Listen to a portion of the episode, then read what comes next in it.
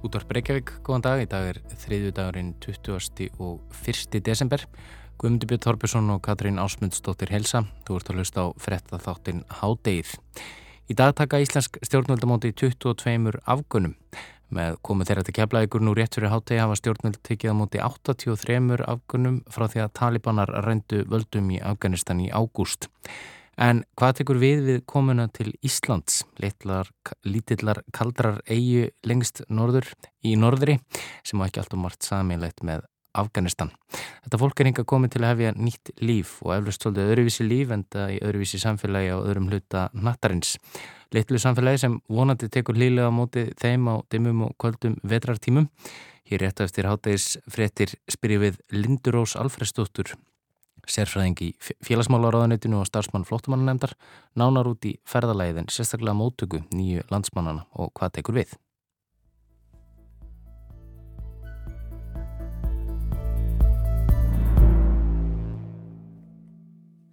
En við byrjum í Síle.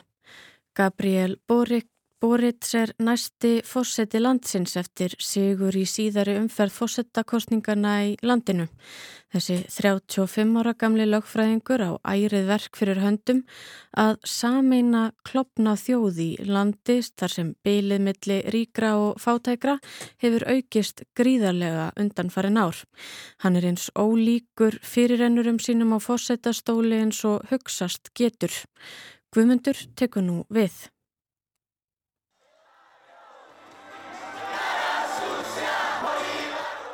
Það var sungið og trallað á gödum Santiago, höfuðborgar Suður Ameríkuríkisins síle í fyrradag þegar úrslitinn úr síðar umferð fósettakostninga þar í landi voru ljós. Sigurveri þeirra á næsti fósetti landsins er Gabriel nokkur Boric, frambjöndi hóps stjórnmálarhefinga sem eru langt til vinstri á vang stjórnmálana. Boric bar sigurorð af hærimanninum José Antonio Cast með 60% atkvæða í fyrri umferð kostningana og tæpum 56% í þeirri síðari.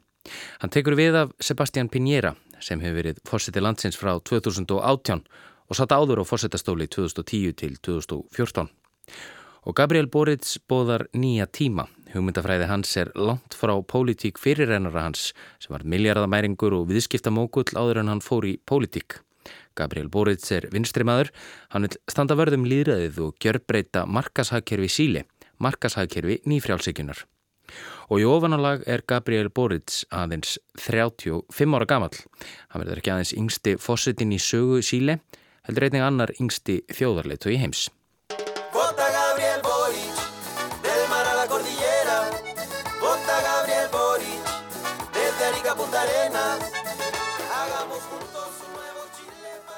Gabriel Boric fættist í Punta Arenas, fjölmennustu borgin í söður hluta Síle, síðst í álfunni. Hann er svonur efnaverkfræðings af kroatískum ættum, Luis Boric og Marius Soledad Font Aguilera, sem á rætur að reykja til Katalóníu. Hann sleitt baskónum í Punta Arenas og fluttir svo til höfuborgarinnar Santiago til að leggja stund á laganám 2004. Á háskóla árunum gekkandi liðs við vinstri reyfingurina í skerða á tónuma, stjórnmálarreyfingu innan háskólans. Síðar var þann fórseti nefndaráðs lagadeildarinnar í háskólanum í Santiago og það var þá sem hann var fyrst þektur fyrir utan vekkja háskólans. Þetta var árið 2009 og fór Bóriðs fyrir og stjórnaði mótmælum háskólastúdenda gegn háskólarektornum, einhvers konar periat gegn sveimbyrni eigilsinni þeirra sílebúa. Þetta var aðeins forsmekkurinn af því sem koma skildi. Hér var á ferðinni ungur maður sem let sig málefni stúdenta varða og árið 2012 byrtist nafn hans á lista yfir hundrað áhrifamestu ungmenni í síli. Leiðin yfir í stjórnmálinn var því nokkuð greið fyrir Boric sem árið 2013 var kosin á Þing og tók þar sæti í áspyrjun 2014. Hann var endurkjörinn 2017 og svo, fyrir á þessu ári, var hann útnemdur fórsetæfni breyðfylkingar stjórnmálaflokka á vinstrivagnum, sósélista og kommunista. Nýðustur þeirra kostninga eru þær að Gabriel Boric verður næsti fósitt í Síle, hans 35 ára gammal og tekur við ennbætti þann 11. mars á næsta ári. En hann á ærið verk fyrir höndum.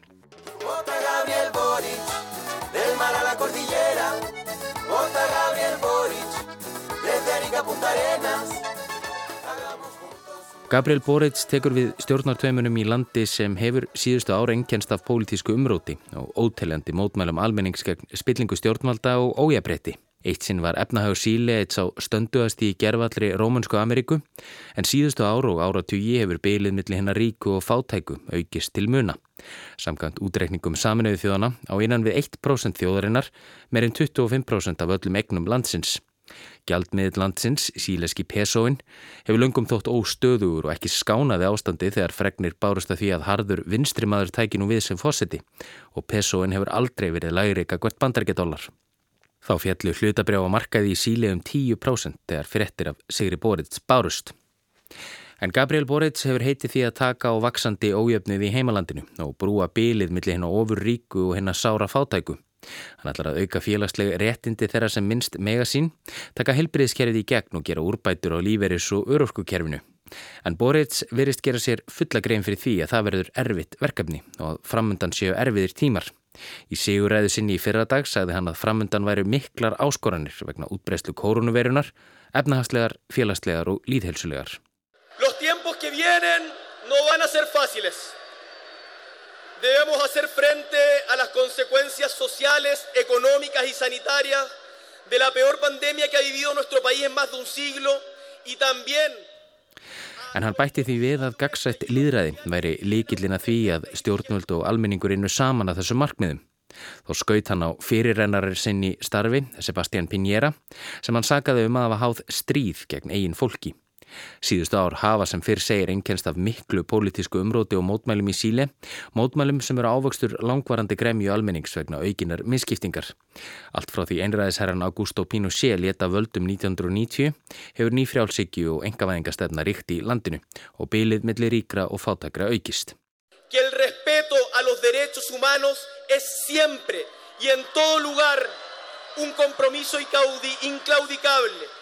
Y que nunca por ningún motivo podemos volver a tener un presidente que le declare la guerra a su propio pueblo. Virðingin fyrir mannrettindum verður alltaf að vera höfð í hávegum og aldrei, aldrei aftur megum við fá fórseta sem lýsir við stríði gegn eigin þjóð, saði Boric við miklar undirtæktir stuðningsmennar sinna. En niðurstöður kostningarna sína þó svart á kvítu að fjöldi sílebúa er ekki par hrifin af þeim breytingum sem Gabriel Boric bóðar en það fekk mótframbjöðundin og hærimaðurinn Jose Antonio Cast 44% atkvæða í setni umferð. Valið gæti ekki staðið á milli ólíkari manna, sósélistans Boric annarsvegar og mann sem hefur opinskátt lofað Augusto Pinochet sem stjórnaði landinu með harðri hendi frá 1973 til 1990. Gabriel Boric á því erfitt verk framundan að samina klopna þjóð og hvort loka orðin í lægi sem samið var í aðdraðanda kostingana, honum til stuðnings, um að ef hann verður fósiti verði lífið í síle betra. Egi eftir að rætast verður komið ljós. Gabriel Boric, presidente, para vivir mejor. Átök hafa geisað í Afganistan í meira en fjóra áratýi og nú 20 árum eftir að innrásarlið bandaríkjana setti stjórn Talibana af sölsuðu þeir undir sig öll völd í landinu á nínu í ágúst. Þeir lofuðu þó betri tíð bættum stjórnarháttum og auknu jafnbretti en ekki leiða lungu þar til orð og gjörðir hættu að stemma. Ráðuneyti málefna hvenna var skellt í lás, konum var gert að hilja sig, stúlkum meinað að mæta í skóla, jafnvel til vinnu, fengum var sleft og hundrað aftökur hefð minsta framkvæmdar án dóms og laga. Nú blasa hörmungar við í Afganistan, efnahagshrun og hungursneið. Það er því kannski ekki að undra að fjöldi fólks vilji burt eða þurfi að komast í burt, sér, sér og sínum ekki lengur fært að dvelja í heimalandinu.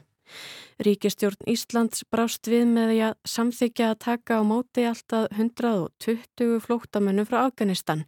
Síðan þá eru 61 komni til landsins, 40 þáðu bóðum skjóli í öðru landi og núna í dag, rétt fyrir hádegi, lendu 22 afganar í Keflavík eftir langt og stramt ferðalag. En hvað tekur nú við eftir lendingu? Hvernig tökum við hér á landi á móti fólki sem við höfum bóðið hér skjól? Hvernig förum við að því að auðvelda þeim aðlögun í eflaust ágætlega framandi samfélagi? Við spurðum Lindu Rós Alfredsdóttur, sérfræðing í félagsmálaráðuneytinu og starfsmann flótamannanemndar nánar út í það. Hún kykti til okkar í morgun, staldraði stutt við á leiðsinni til Keflavíkur að taka móti nýju landsmönunum.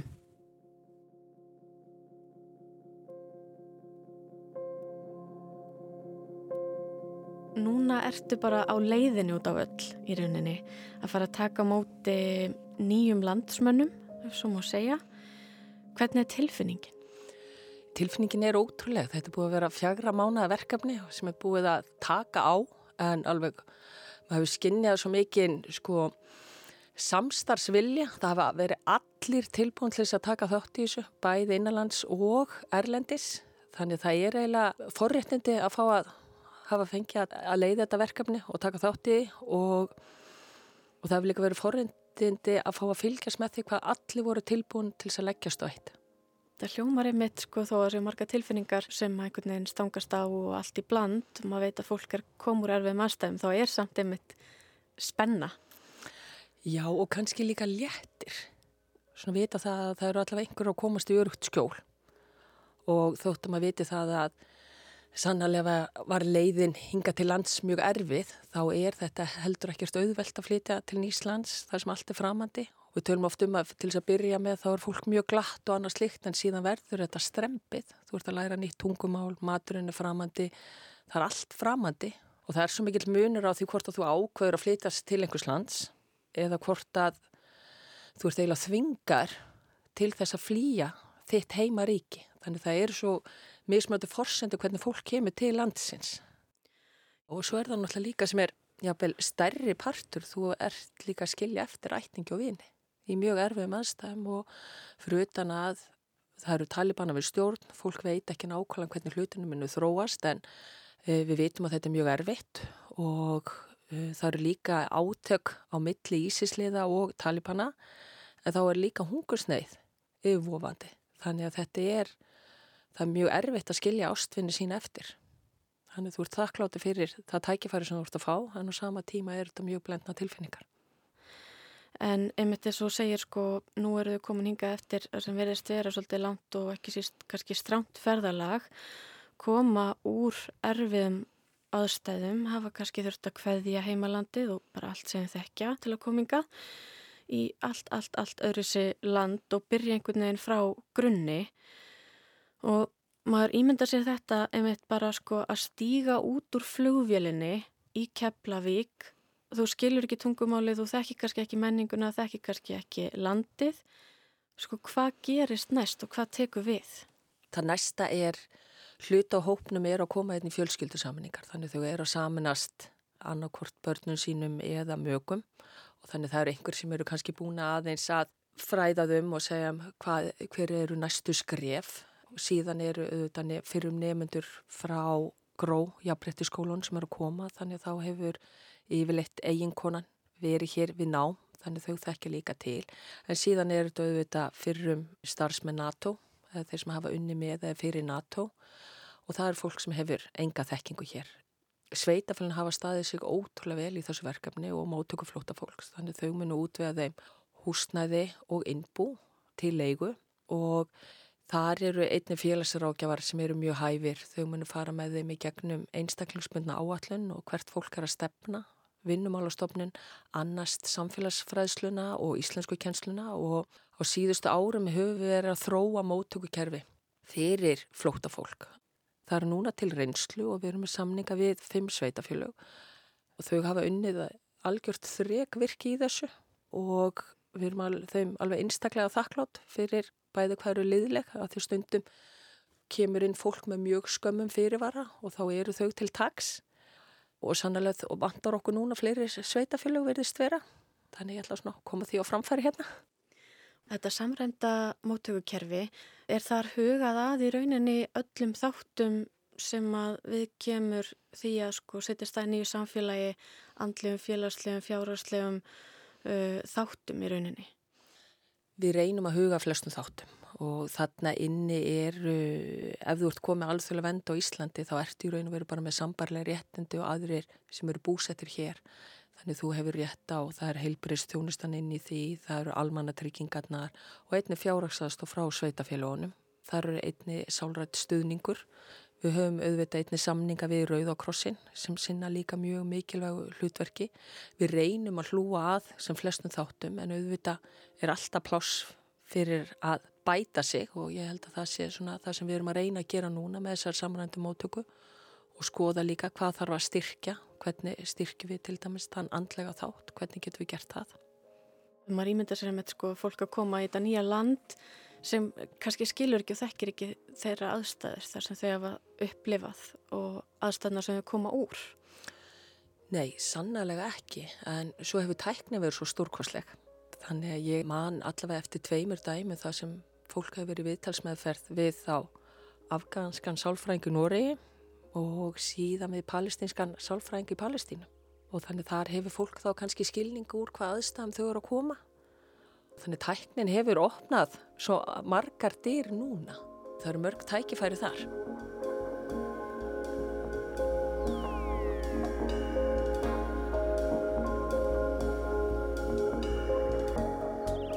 Veistu hvar við stöndum hér á landi sem samfélagi rauninni erum við sem samfélagi einhvern veginn með skilirði frábært að fá nýja landsmenn en við viljum að það sé fyllt okkar menningu og gildum og hefðum og þá þurfum að læra tungumáleika gert eða eru við opnari og eflust erfitt að segja sko og leggja eitthvað skonar eitt mat á það en hefur þú einhverja svona tilfinningu fyrir því? Ég held að sé opbóslega misjáft. Við vitum það að það hefur reynst fólki erfitt að fá námsitt metið. Það hefur reynst mjög flókið oft en síðan hefur maður séð það að það hefur líka gengið að það hefur verið erfitt. Það er kannski svona eitt dæmi sem, nefni sem getur verið hindrun. Við vitum það að íslenska er líkil að samfélaginu og bara varðandi störf og annað slikt þá er það mjög mikilvægt sem er kannski eðlileg krafa að ef þú ætlar að fara að vinna einhver staðar að e, sérstaklega innan einhvers ákveðins geira þá er mikilvægt að kunna íslenskuna og þá mættum við bæta kannski það íslenskuná sem er, er til bóða fyrir inflytjendur almennt og hóðu hvort þessu flótamenn eða inflytjendur að hafa lengri námskeið eða annað slikt og ég veit að það er fyrirhugað að skoða það. En ég held að samfélag almennt taki vil á móti fólki og maður skinnjar þann mikla samhug sem er með. Þannig bara um leið og fólk veit við hvað er starfa þá er allir bara vantar ykkur eitthvað? Innbú, vantar ykkur eitthvað? Og það er allir tilbúin í þessa vegferð með og það vilja allir taka þátt að hjálpa fólki. Þú finnur bara fyrir samstöðinni í samfélaginu? Fyrir mikillir samstöðu og hlýhug gagvart þessu verkefni og fleiri verkefnum sem við erum að sinna.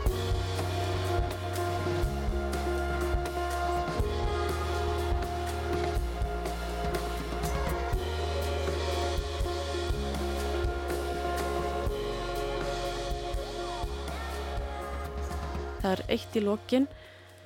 Fólk sem að kemur yngað til lands hefur einhverju tilfinningu fyrir kannski hvað þeim finnst mögulega að vera mesta áskorunin við að koma til Íslands og eins jafnvel sko hvort að það sé eitthvað sem þeim finnst eh, spennandi við Ísland. Þarna á ég mjög erfitt með að svara. Eh, við höfum auðvitað heyrt að íslenskan sé erfið svo manni eftir að brauðið það var bara svona lítið sem ég er búin að fá nokkru sinnum að heyra og það sé þetta skortur á brauði sem þau kunna að meta. En ég held að það er svo mikið heimin og haf hvernig móttakan var hérna kannski segjum 2007-2008 þegar ég byrja að vinna í þessu málaflokki og hvernig þetta er í dag. Það er bara komin miklu meiri fjöldi, það er komin miklu meiri þekking, við erum komið með það sem það er hægt að kaupa þau krydd sem þau vilja, það er svo margt sem er komið núna sem var ekki hérna áður fyrr ég man eftir einni konu sem ég tók viðtal við út í Líbanon og svo hitti hana aftur hérna á Íslandi og hún vildi óska að ég hafði upplýst hann um það að það væri bara hægt að fá mjög góð krydd á Íslandi að hún hefði fyllt ferðartöskuna kryddum. Þannig að, já, ég hugsa sér oft þessi litlu hlutir og maður getur kannski sett sig í spór þeirra einhver leiti. Ég held ég hef aldrei borðað jafn mikið hongi kjöt og harfisk eins og þegar ég búið erlendis og, kaupaði kannski ekki neitt sérstaklega oft hér.